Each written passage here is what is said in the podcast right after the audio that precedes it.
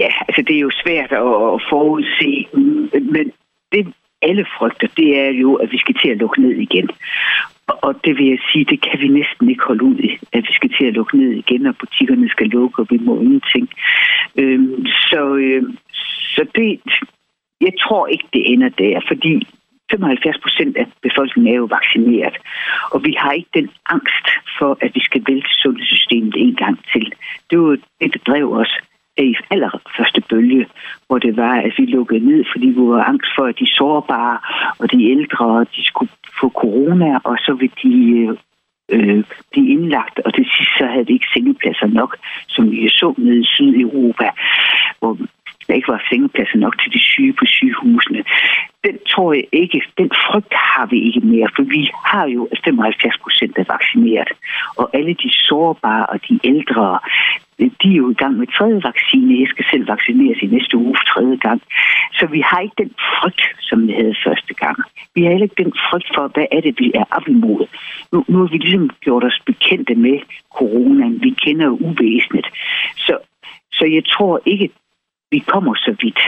Men det, der er det aller, aller vigtigste, det er vores indsats for at få folk til at blive vaccineret, så de ikke er øh, smittespredere, og vi ikke får en ny epidemi blandt de unge og blandt andre befolkningsgrupper. Så det, jeg tror, vi kommer til at se, øh, det er det første, vi kommer til at opleve, det er, at der bliver indført coronapas igen. Så det tror jeg, det bliver det første tiltag, hvis vi kommer til at se noget. Man kan sige, og det ved jeg jo, du spørger om, om lidt med hensyn til at spritte fingre, og, og hvad vi ellers gjorde sidste gang, det, det synes jeg lige så godt, man hver enkelt person kan gå op med sig selv, at nu skal vi til, at når vi går ind i Føtex, så skal vi spritte vores hænder af. Øh, det kan vi, og det har vi jo faktisk øh, lært en gang, og det gik fint og smertefrit. Så det tror jeg sagtens, vi kan indføre igen. Øh, men det bedste er, at vi bare begynder lige så stille, inden der kommer lov på at bud om det. Men, men jeg må sige, at coronapasset, det, det er de erhvervsdrivende, det vil de rigtig gerne have indført. Det er jo dem, vi gik mest ud over, da vi lukkede ned økonomisk. Øh, der var, vi andre gik det jo lidt ud over mentalt. Men, men coronapasset, må jeg sige, er meget fortaler for. Jeg er jo selv lægevagt. Og, øh, og jeg synes, at man skal sikre, øh, at alle vi læger, der kører rundt, at når vi kommer ind til patienterne, så skal vi være vaccineret, men det er vi også. Øh, men det, vi skal også øh, sikre, at de øh, chauffører, der kører os, de taxichauffører, der kører os, de er vaccineret.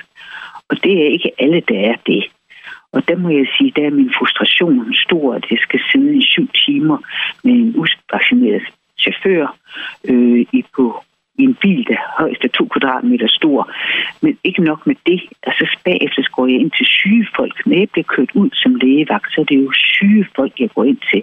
Og der kan jeg så risikere, at jeg, selvom jeg er vaccineret, at jeg tager øh, det smittespredere, fordi jeg kører rundt med en chauffør, der ikke er vaccineret.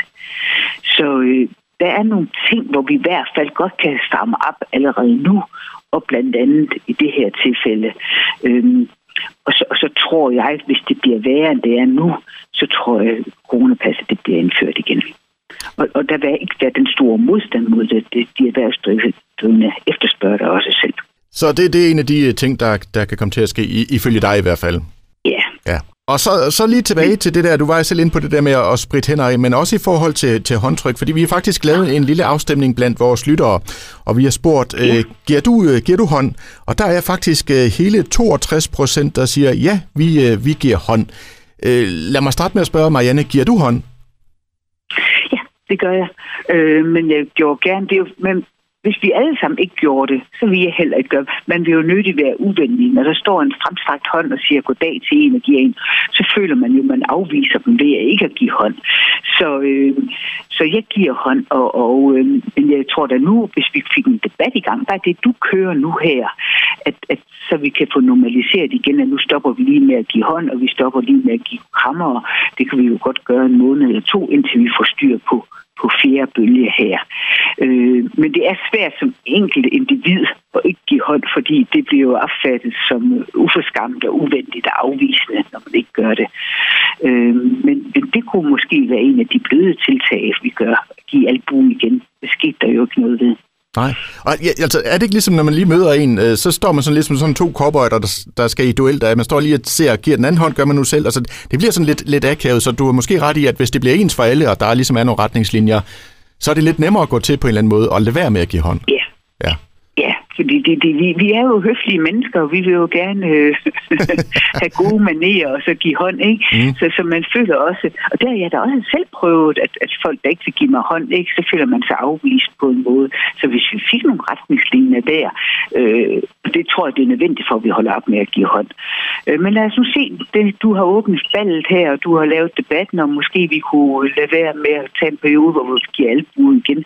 For min skyld ingen alarm. Det, det var ikke det er ikke hårdt for mig at skulle levere.